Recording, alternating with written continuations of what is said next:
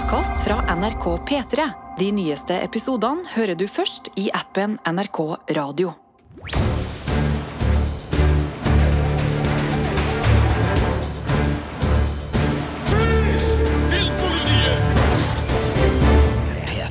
Velkommen til denne podkasten fra Filmpolitiet, hvor temaet for dagen er ferske sommertips på Netflix. Ja, vi driver jo og kjører igjennom strømmetjenestene i sommer, og det er programleder Marte Hedenstad. Og min makker Sigurd Vik. Som da skal høste av all TV-tittinga vi har gjort det siste året, så det her er serier vi har liksom plukka opp underveis da, siden eh, i fjor, ja, si eh, sesongstart, høsten 2021, eh, og som vi tenker at er, er verdt å enten minne dere på, eller kanskje overraske dere med. Og vi har jo allerede gått gjennom et par. HBO Max ligger ute, Disney Pluss ligger ute, og nå er det da Netflix. Så vi, vi starter med de, de, store her, men vi skal også ta uh, Paramount Pluss og Prime Video, så, så, det er bare å henge med. De kommer utover her på, på rekke og rad i appen NRK Radio. Der finner du dem i hvert fall først.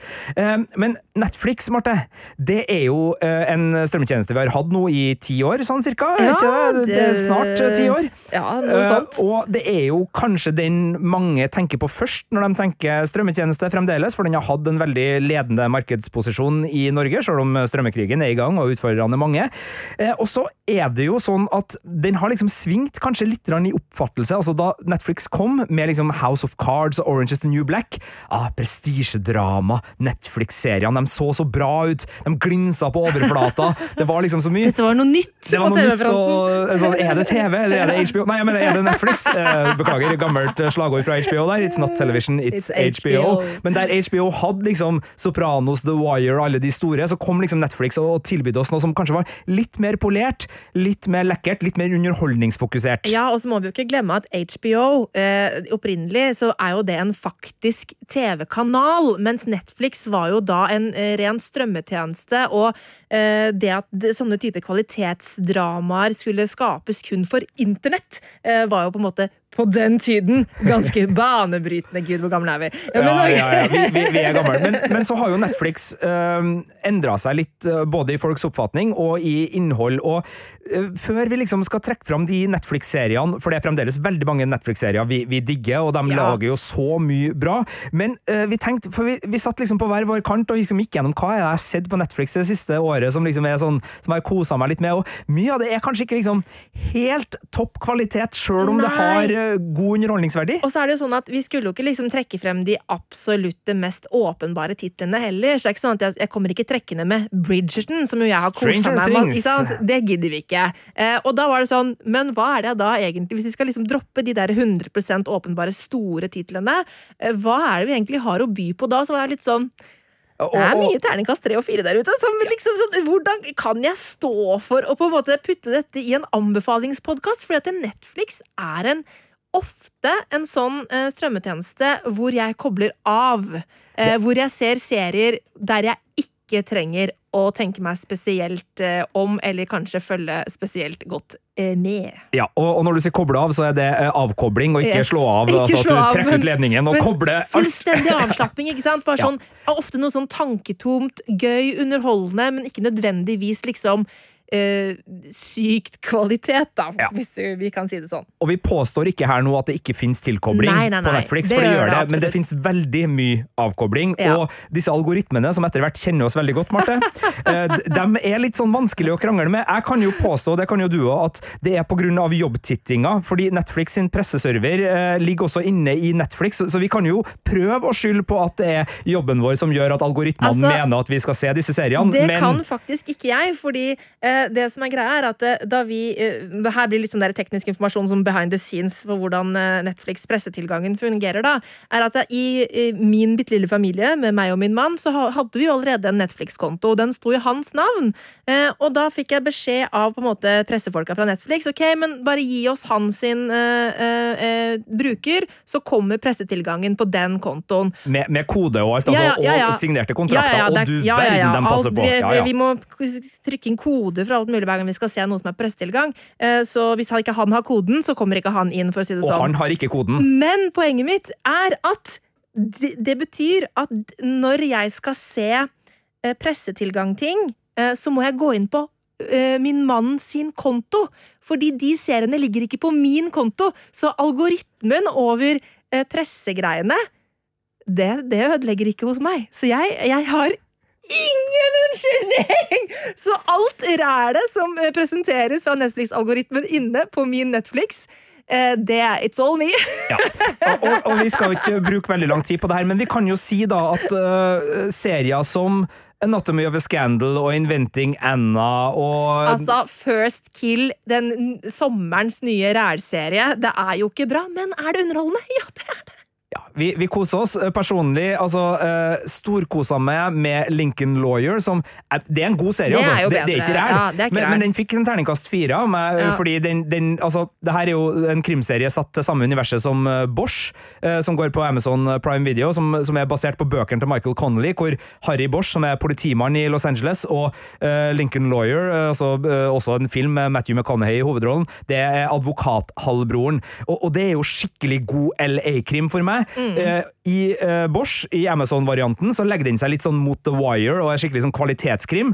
Når Netflix skal lage det, med David E. Kelly, altså mannen bak masse advokatserier som Ally McBeal og altså, han har laget, Det var vel han som laga Anatomy of a Scandal, var ikke det? Uh, jo, jo, jo, altså han, han er en spesiell fyr, for at det, der, er, er, Men han får det både fugl og fisk. Ja, du kan få Big Little Lies, ja. du kan få Anatomy of a Scandal, du og du få kan få The Big Sky! Big Sky, som Marte ga terningkast én, og som ligger på Disney pluss. Det er ikke en Disney Pluss-podkast, uh, beklager det.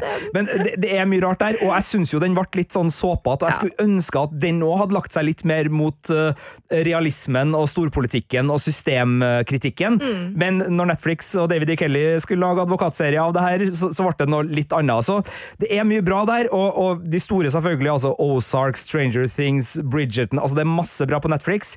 Men uh, når vi nå skulle liksom komme med noen ferske sommertips, så har vi gått litt bakenfor, men ikke så veldig mye. Og den første serien vi skal trekke fram her, er jo den samme serien som vi hadde på toppen av mm fjorårets aller beste serier, så, så vi dundrer til på stortrommet her. Absolutt. Og den anmeldte du, Marte, til en soleklar terningkast seks. Ja, og det er en serie som eh, fikk en del oppmerksomhet, men jeg mener at den ikke fikk nok oppmerksomhet. Eh, og det er fordi at det er en eh, animasjonsserie. Og det, det Altså, jeg, jeg merker at det er en del folk som ikke gidder å se på hvis det er animasjon, av en eller annen grunn, og det skjønner jeg ikke helt uh, hvorfor. Men jeg snakker altså da om Arcane League of Legends, uh, som jo da uh, er basert på League of Legends-spillet, selvfølgelig.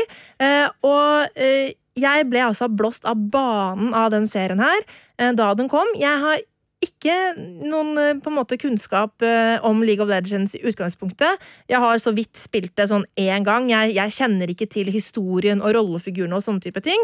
Eh, men likevel så ble jeg altså så grepet av det universet her.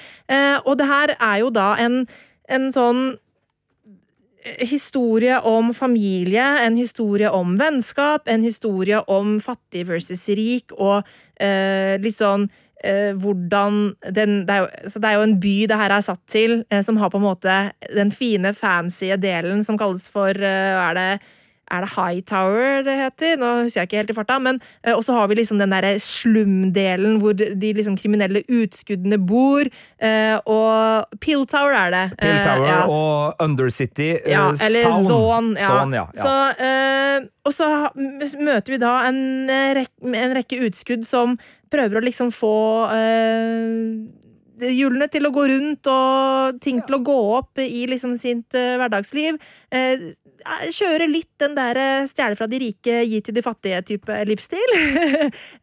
og så en dag da så er det noen av disse som får med seg noe fra Peel Tower som viser seg skal få litt store konsekvenser, og som da fører til at disse lederne i Peel Tower um, ja, eh, begynner å gå litt sånn eh, hardere til verks mot den kriminelle gjengen eh, i slummen. Og det er altså Hovedpersonene er jo da Vi og Powder, som det heter som liten.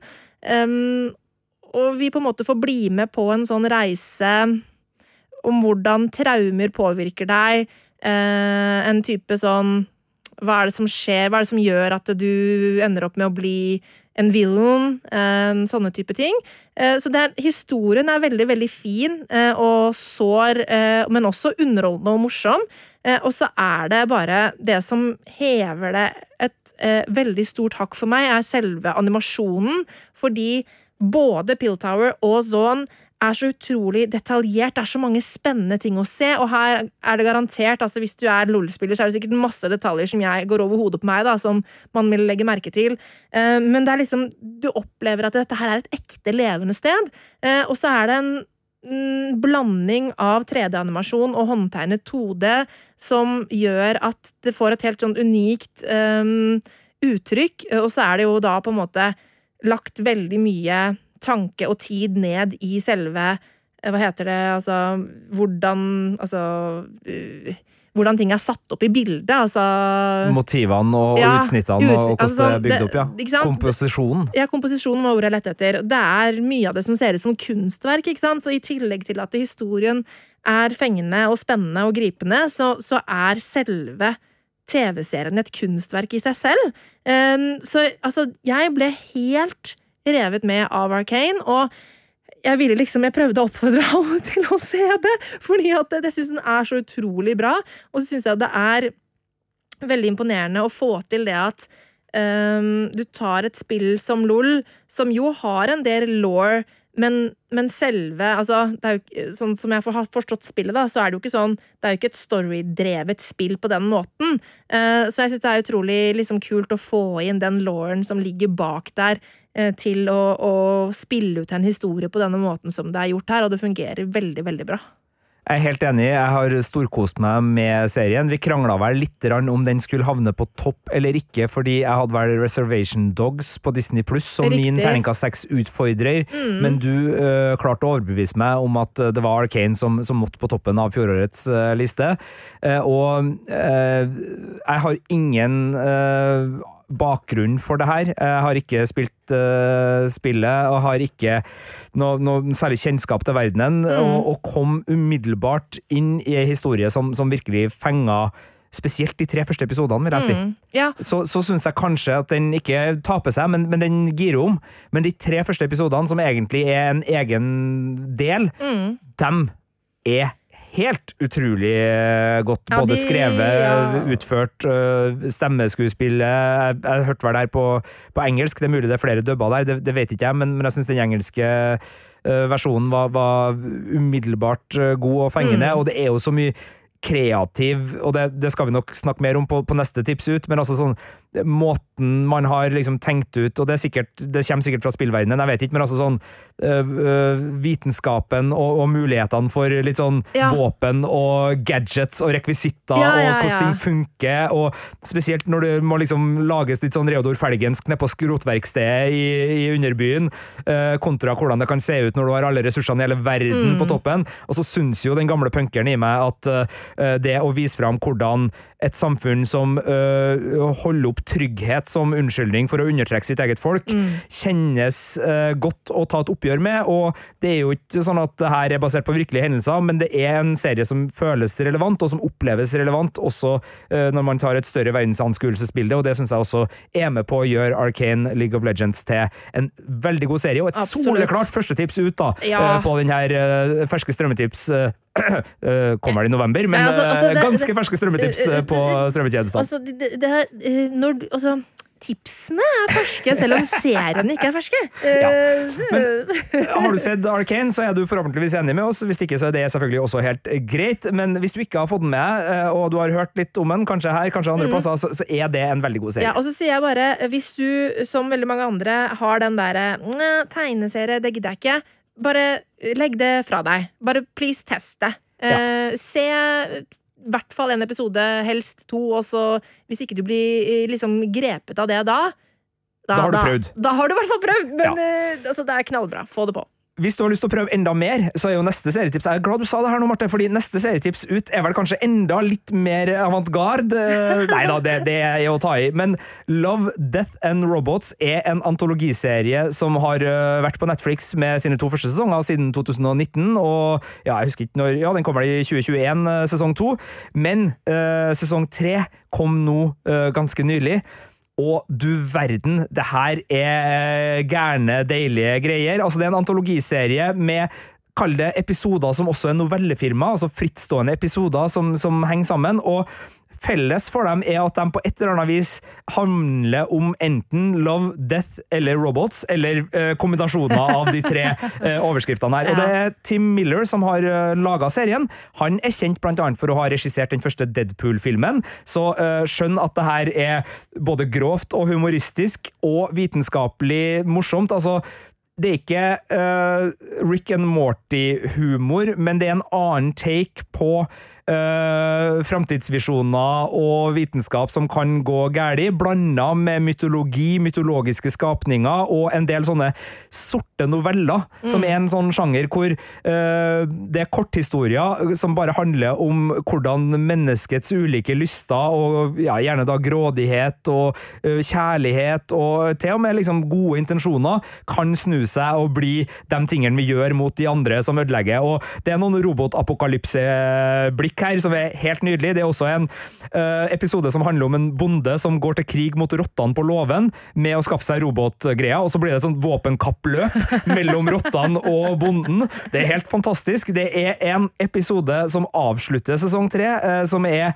noe av det villeste, vakreste jeg har sett. Den heter Jibaro og, og handler om conquistadora som kommer over et tjern hvor det er en slags sånn syngende, gullkledd kvinne mm. som gjør et eller annet med alle disse soldatene filmene, eh, bortsett fra én, og så skal ikke jeg si noe mer, men det er bare en dansefest av dimensjoner. Det er jo uh, ulike varianter av animasjon som, som, uh, som, gjør at det her kan få leve ut i all sin visuelle galskap. Det er en sjøuhyre-episode som jeg tror David Fincher uh, har regi på, som heter Bad Traveling, og som handler om en gigantisk mann, menneskespisende krabbe og et skip og noe greier. Eh, altså, det er så mye bra der, og, og spesielt sånn hvis du har lest uh, Hitchhiker's Guide to the Galaxy og liker litt sånn tørrvittig robothumor ja. rundt uh, egen eksistens og menneskenes uh, feil, så får du også en del av det. Fordi felles for disse, det er det er humoristisk ish, ja, eller svart ja. humor, eller er det I en del. Ja. Altså, det, det, er en sort det er en gjennomgående sort strek mm. uh, som gjør at du, du ofte liksom får snudd noe. Men noen er veldig sånn poetiske sci-fi-novellefilmer òg, som ja. bare liksom handler om uh, hva om det er greia. Altså Kanskje vi har funnet en ny planet, kanskje det er noe i den planeten som må utforskes. Kanskje vi bare er der. Ja, fordi det, selv om um, Det minner meg litt om eh, Black Mirror så, i konseptet. Ja. Selv om der er det jo ikke liksom bare Love, Death and Robots, altså, men der er det, det er jo teknologi uh, og hva teknologien gjør med oss, som er tematikken i, i den serien. Uh, sånn at det, det, er jo litt sånn lignende type tematikk, bare at det her er det bare Love, Death and Robots, og det er animert. Ja, det er utrolig hva de temaene rommer, altså. jo, jo, men du, ja, jeg tror på deg, altså. Jeg elsker jo den tematikken, eh, og det er jo så mye spennende å utforske, og så mange gøye tankeeksperiment ja. Eh, som man kan eh, bli med på. Ja. Um, og, det, er sesong tre som er årsaken til at den nå er med mm. her, men det er jo tre sesonger, ja. så, så, hvis du ikke har sjekka det ut, Kos deg. Eh, og, og, du kan hoppe. Altså, det, det, det er novellegreia. Mm. Så, så, hvis du syns den med eh, rotter og, og våpenkappløp hørtes artig ut, så ser du bare den. Og så eh, trenger du ikke å liksom forplikte deg til sju sesonger og, og masse hallo, opplegg. Jeg vedder at du sikkert kan google bare sånn Love Death Robots, Best Episodes, og så får du en sånn smørbrødliste du bare kan se. Jeg tror at du, Marte Edenstad, har vært på internett før. Du er ikke noe sånn nybegynner når det gjelder søkemotorer og tastatur og sånne ting. Veldig bra. Du har helt rett. Eh, det var eh, tips nummer to. Eh, vi skal ha et par til, og nå skal vi slutte med uh, animasjonsserier. Riktig. I hvert fall en liten stund. Ja, i hvert fall nesten. Okay. Men det er litt animasjon inn i den serien jeg skal snakke om. Og apropos det, apropos animasjon og apropos Google. Hvis du googler den serien her, så kommer det opp eh, animerte eh, høstblader som faller over skjermen eh, i, i, i, Google. Eh, og det er fordi at det er hentet fra tegneserien Heartstopper, eh, som jo da eh, Netflix har laget en dramaserie basert på. jeg endte opp med å kjøpe sånn Det var noe sånn På min lokale bokhandel så hadde de sånn to tre for to, ikke to for tre. altså, du kommer fra Bærum, så, så, hva vet jeg? Det er, sånn, det er veldig fancy å betale litt ekstra. Men eh, tre for to, på, for det er, jeg tror det er fire bind i Heartstopper som er ute. Jeg har da kjøpt tre av de. Eh, eh, og det er en utrolig fin tegneserie og en utrolig fin dramaserie som er satt til Det er vel England, i hvert fall Storbritannia.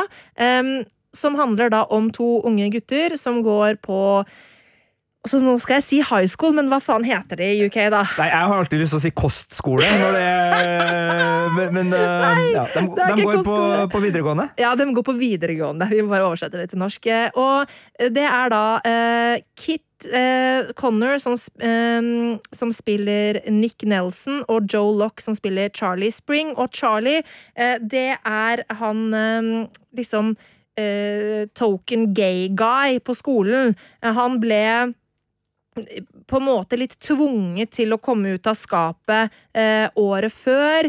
Eh, og han har på en måte siden da eh, levd eh, på high school eller videregående med å være denne eh, eneste eh, homofile gutten på skolen, som på en måte da får det som en sånn veldig identitet um, trukket uh, over seg. Um, og han lever egentlig ganske godt med det, uh, Charlie. Uh, og så er det sånn at en dag så blir han satt sammen med skolens liksom store sportshelt, Nick. Um, i en eller annen, jeg tror, er det nat naturvitenskap? Ja, samme hvilken time. En eller annen time. Og så blir de sittende sammen på samme pult eh, og begynner å prate, og så merker man umiddelbart at de har veldig god kjemi. Um, og da uh, blir jo Char Charlie litt forelska i Nick, uh, og de uh, blir gode venner etter hvert. Og det begynner å utvikle seg sterkere følelser, selvfølgelig. men så er det jo litt sånn at Charlie han er full on out there. Han er uh, på en måte Ja, har uh, pride-flagget på sitt bryst, liksom. Mens uh, Nick er egentlig litt sånn Han kjenner jo at han begynner å bli forelska i Charlie, men han syns dette er veldig uvante følelser. Han har jo kjæreste altså han, han, har jo også vært forelska i jenter. Altså han, han blir litt sånn usikker på sin seksuelle identitet.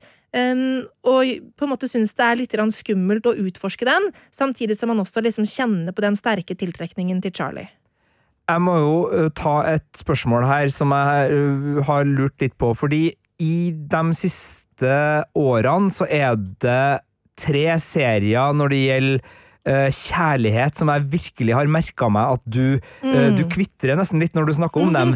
Det ene er Normal People, mm. som du velga terningkast seks, og som du syns var en helt fantastisk serie. Mm. Så var du veldig begeistra for kjærlighetshistorier i Netflix-serien Young Royals, ja, som kom i, på starten fin. av fjorsommeren. Svenske serien, ja. Svensk Netflix-serie. Sjekk den ut. Young Royals. Uh, den fikk terningkast fem av deg, så vidt jeg husker.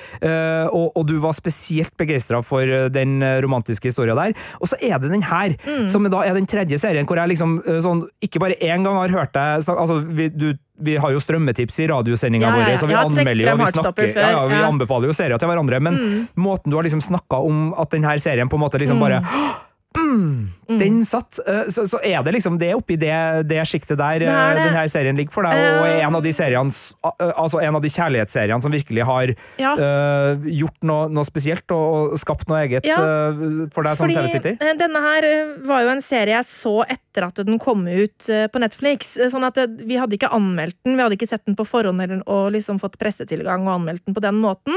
Uh, så jeg så den og eh, Grunnen til at jeg så den, var at den begynte å eh, dukke opp i sosiale medier for meg. Eh, sånn rundt omkring på TikTok og Instagram og Twitter.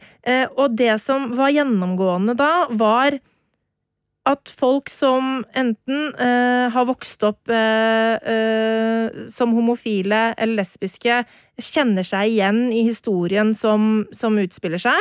Um, sier at dette her var serien jeg trengte da jeg var 15. Um, og så er det også liksom vært mange som i etterkant har lagt ut ting som Nå er jeg endelig ute. Um, jeg turte å fortelle det til foreldrene mine uh, på grunn av at de så Heartstopper. Og det, og det, er fordi at den serien den er veldig sånn nær, den er veldig fin. Um, og så selv om den kan handle om noe som på en måte er vanskelig, så er den også den er veldig hjertevarmende. Den, den forteller ikke en historie om hvor vanskelig og fælt det er å komme ut på videregående. Altså, den, den forteller en historie som på en måte er mer oppløftende, um, og det er veldig fint å se. Uh, og så er det noe med at uh, de som er i hovedrollene, altså Kit Connor og Joe Lock, de er veldig naturlige og fine i spillet sitt. De har veldig god kjemi sammen. Det er veldig troverdig. Um, og så I tillegg så har jo da serien dette animasjonselementet hvor det legges på litt sånn, ikke veldig mye, men litt sånn her og der. Uh, plutselig så er det på en måte et hjerte som, som dunker litt ekstra um, i en tegneseriestrek, eller liksom noe som forsterker følelsene som kommer til syne i ruta, da. Og det, det er veldig fint gjort, og det, den er altså så fin, den serien. Det er jo et grep som uh, virkelig har svingt de siste mm. tida. Altså Ninja Baby, den norske filmen, er jo også en uh, bru bruker av akkurat mm. det grepet. Uh, og ikke minst Miss Marvel, som mm. nå går på Disney pluss, hvor også den der lekende ja, streken jeg, jeg, tror vi kan si at det, det, er egentlig en trend i tiden. jeg altså, tror vi kan gå oi, så langt. Trendanalytikerne ja, som, som Nå kommer jeg ikke på flere i farta, men jeg, jeg, jeg husker at det er en ganske sånn ja, greie for tida å putte på Det er jo ikke nytt, men, men men, nå har det vært, det har vært vellykka. Det, det har vært vellykka flere plasser, og, og, det gjør jo at uh, det nå ikke er et sånt gimmick-grep lenger, Nei, men mer kanskje en sånn det, det, kan man bruke ja, uh, sånn, til å fortelle sine historier uten at det blir liksom ja. noe, no veldig sånn påtatt med det. Er akkurat det, og spesielt også her fordi at serien har utgangspunkt i en faktisk tegneserie. Så de strekene som vi jo ser, er jo hentet sant, fra ruta i tegneserien, og så legger man det oppå Netflix Netflix-ruta, eh, og det fungerer veldig godt og er med på, som et forsterkende element som ikke virker som en gimmick. Eh, det gjør at du bare kjenner mer på de følelsene som er til stede i scenen. Og nei, det er en helt utrolig fin serie som Den er veldig lettsett. Veldig, veldig sånn enkel og fin. Det, det, det, er liksom ikke Det er ikke det at den er liksom sånn der super sånn slagkraftig og sånn derre den, den er bare Den er lett. Den er nær. Og den er veldig hjertevarm, eh, og den er bare kjempenydelig. Og bare for å hjelpe eventuelle ulike innstillinger på Netflix-kontoen, hva heter den på engelsk og hva heter den på norsk? Heartstopper og Hjertestopper. Og hvis du nå uh, plukka opp at vi nevnte andre ting, så skal du få ei lita liste her over hvor de er. Altså, uh, Normal People nevnte vi. En mm. kjærlighetsserie som lå på NRK TV, men som nå ligger på strømmetjenesten HBO Max en fantastisk terningkast eh, seks-serie mm. med en kjærlighetshistorie som eh, spinner over tid. Vi nevnte Young Royals, som er en svensk Netflix-serie som da ligger på Netflix, og som handler om svensk, en svensk prins en svensk og prins, hans skoleopphold og litt som skjer med familien og, og, sånne ting. Også veldig god romantisk film. Så var det norske Ninja Baby. Yes. Det, nå sa jeg muligens film på ja, Young Royals, det er det ikke, det er en serie, men Ninja Baby er en film. Den ligger litt rundt omkring. Du kan leie inn og kjøpe stort sett på alle strømmetjenester eh. som lar deg leie og kjøpe. Og så var det Miss Marvel, som da ligger på Disney Ja, og så må jeg bare si, um, hvis du som hører på, har sikkert uh, Det er jo litt sånn, kommer litt an på hvordan uh, de forskjellige feedene i sosiale medier er for tiden. Da. Min eh, har vært de siste par månedene ganske fulle av eh, abortsaken, for eksempel, eh, i, som foregår i USA. Uh, og der kan jo kanskje Ninja Baby være et interessant innskudd å bare få et litt innblikk i en sånn type historie om abort. Uten at det er, det altså, Ninja Baby har klart det kunststykket å lage en film som ikke oppleves som vanvittig tung om et så tungt tema, uh, men en veldig sånn fin og nær film der også. Vi skal skifte veldig takt fra øh, kjærlighetsserie på Netflix til øh, grøsseraktig greie på ja. Netflix. Mm det siste tipset ut i denne eh, podkasten, for nå har vi jo nevnt masse som ikke er på Netflix. Ja, nå er vi tilbake på, på, på sporet her. Netflix, Netflix, Netflix. Men i fjor høst, uh, perfekt timing, så kom det en uh, serie uh, laga av uh, regissør og serieskaper Mike Flanagan, kjent for Netflix-serien The Haunting of Hill House, som absolutt også er en anbefaling til folk som liker det litt skumle og det litt sånn smarte skumle, mm. og The Shining-filmoppfølger oppfølgeren Doctor Sleep, som han også laga, som vår kollega Birger Vestmo var svært begeistra for. Jeg var også veldig begeistra for The Haunting of Hill House, som kom seg opp på topplista over de ti beste seriene fra et, Når kom den, da? 2018-2019? Ja, der omkring. Men uh, Midnight Mass er da serien som kom i fjor høst, og er den serien jeg vil uh, trekke fram. Og du verden, den er ikke så skummel som eh, de skumleste. Den er mer creepy, ja, det... og handler om et lite øysamfunn som har en helt spesiell prest. Og så er det en hjemvendt sønn som kommer tilbake dit etter å ha sona en fengselsdom. Og så er det noe med det her øysamfunnet som er litt overnaturlig, men som også er veldig sånn her nesten sånn sektaktig religiøst, fordi han har noen helt spesielle tanker, han her presten, eh, som da spilles av eh, Hamish Linklater. Eh, han er veldig dedikert, veldig positiv og veldig liksom, tilsynelatende utrolig snill og omsorgsfull, og, og, det er han muligens også, men så kan det jo hende at uh, sånne ting kommer med en prislapp, da. Uh, og at det er noe mer her. Ble det så du så den, Marte? Ja, men jeg har ikke sett den ferdig. Uh, og der var du sier at ikke så skummel. ikke så skummel som Monty Hill House, nei? Jeg syns den var ganske skummel. ja, jeg synes den, den, har noen sånne har noen, noe, noe av det skumleste jeg vet, er eh, ting i speil og ting i, i vindu. Eh, og den har noen sånne Eh, ja, skikkelig skumle greier som fikk meg til å faktisk få litt mareritt. Så, eh, okay. men jeg er jo veldig penglete, så du, får, du som hører på, får se han.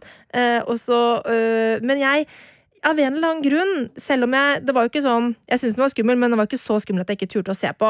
Eh, det skal jeg si, selv om jeg må innrømme at jeg holdt litt sånn hendene foran øynene på et par tidspunkt der. Så vet jeg ikke helt hvorfor jeg ramla av, for jeg, jeg, tror ikke jeg har sett de to siste episodene, eller kanskje det var de tre siste. Det er litt synd, fordi den skifter veldig gir på slutten ja, og blir noe ganske annet. Ja, for jeg tror kanskje at jeg, eh, selv om jeg også Jeg er jo, syns jo sånn sektgreier egentlig er veldig spennende, eh, og det er jo noen rollefigurer i denne serien her som er så uspiselig i den sektkirka der. Og, og, for det her er ikke spoiling, altså, det er bare at de menneskene som ja. vi møter, og vi skjønner at det er ganske ille, ja. de får lov til å blomstre Virkelig. i denne serien. Og, og, og det aspektet syns jeg er jo kjempefascinerende, og elska det.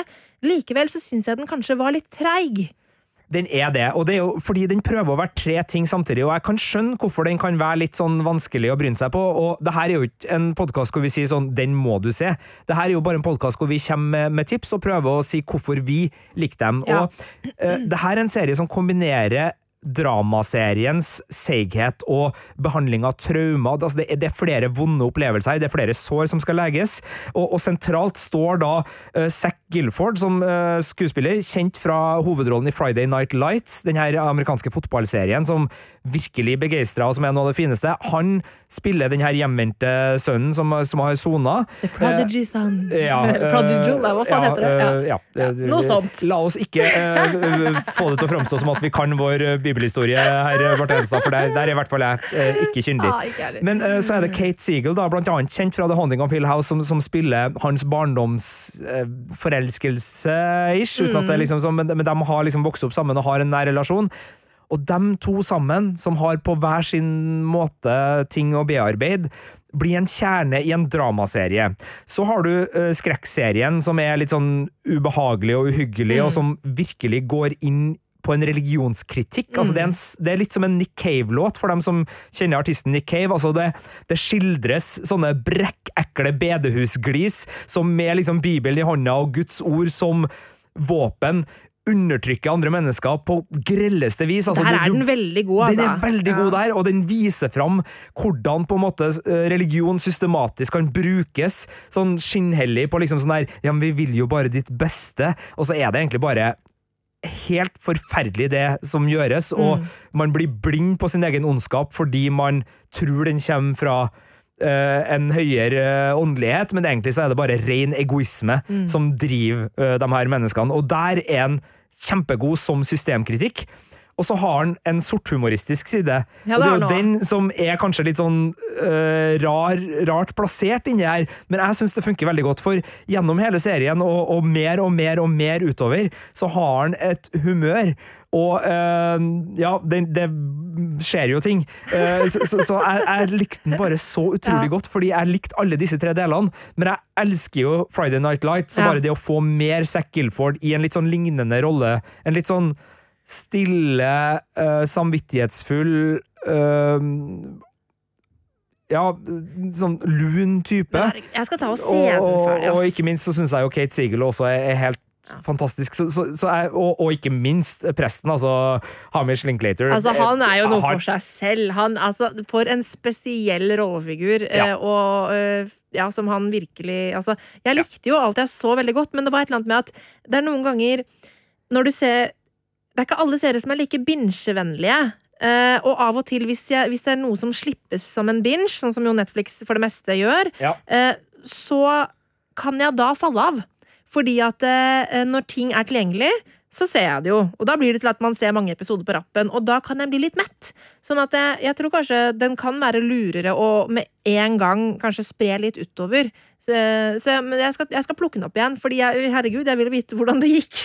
det, jeg, anbefaler det til dem som vil. Eh, og så er det også en liten eh, rose som skal, skal leveres eh, til, til, Samantha Sloyne, som kanskje folk har sett i Grace Anatomy, som spiller da mm. prestens grusomt gode oh, hjelper, Beverly Keane, som er ja, en rollefigur som fester seg lenge etter at rulleteksten har gått over.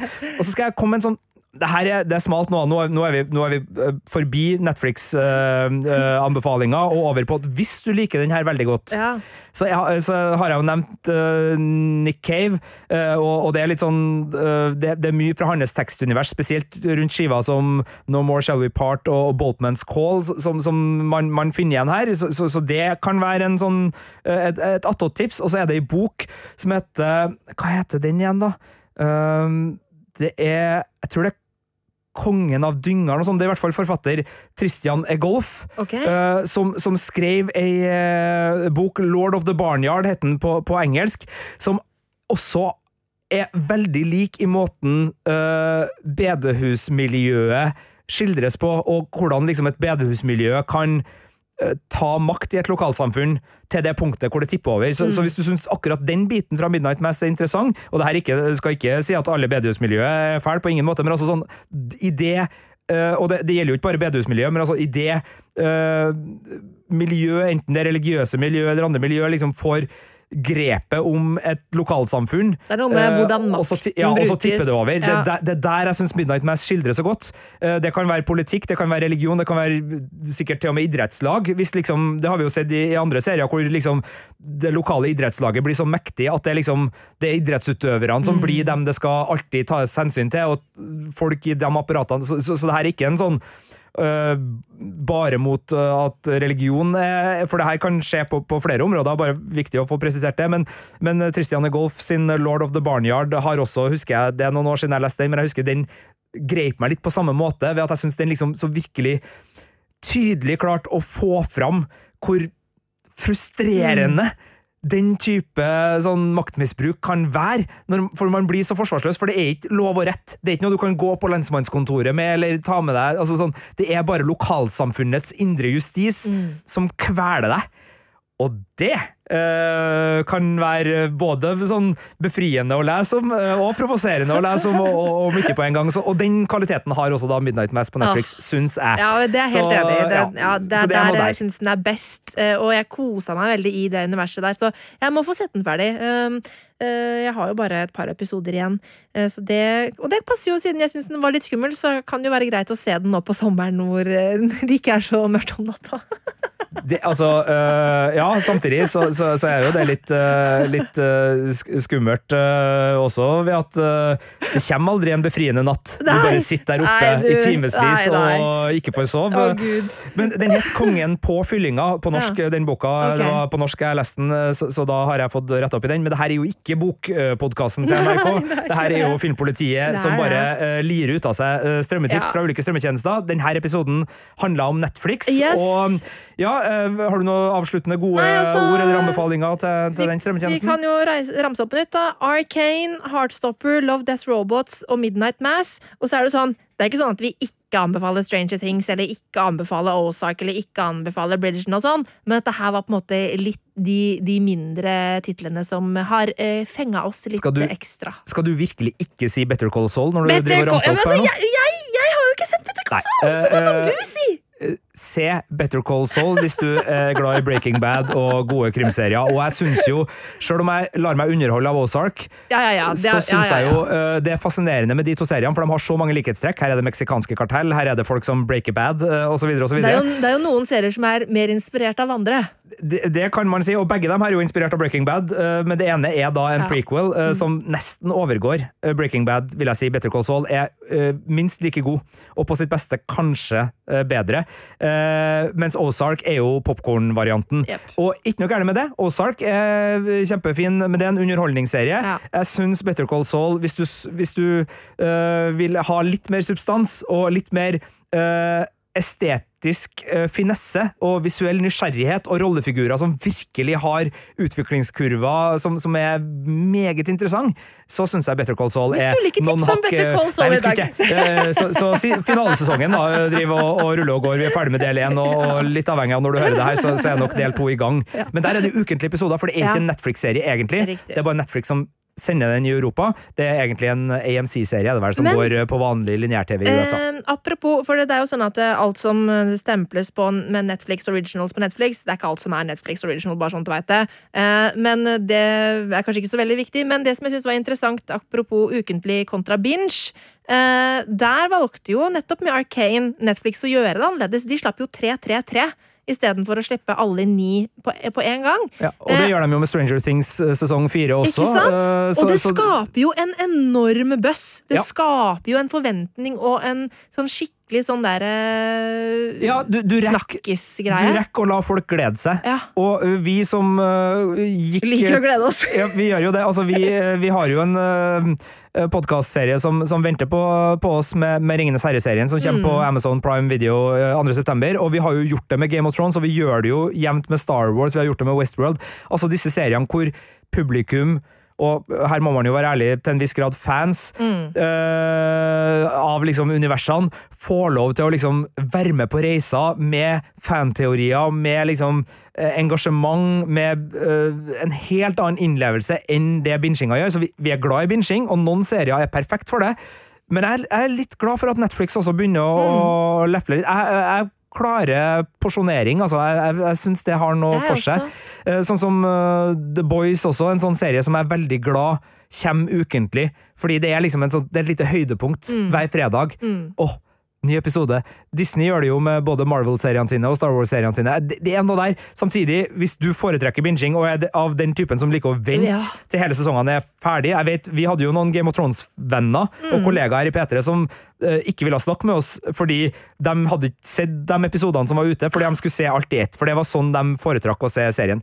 Helt fair. Ikke noe galt i det hele tatt med det, men, men for oss som uh, Det går jo glipp av noe av moroa, da. Ja, vi syns jo det er moro. Ja, vi synes det er moro. Ja, så, så, du går glipp av det vi syns er artig, men sånn kan jo alle mennesker si til hverandre. Uten at det nødvendigvis er øh, sånn for alle. Så ja.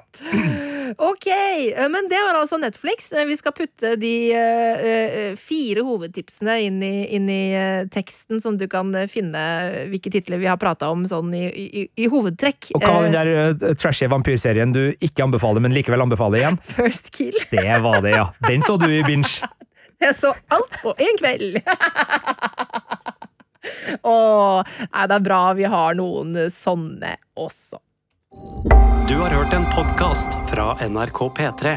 Hør alle episodene i appen NRK Radio.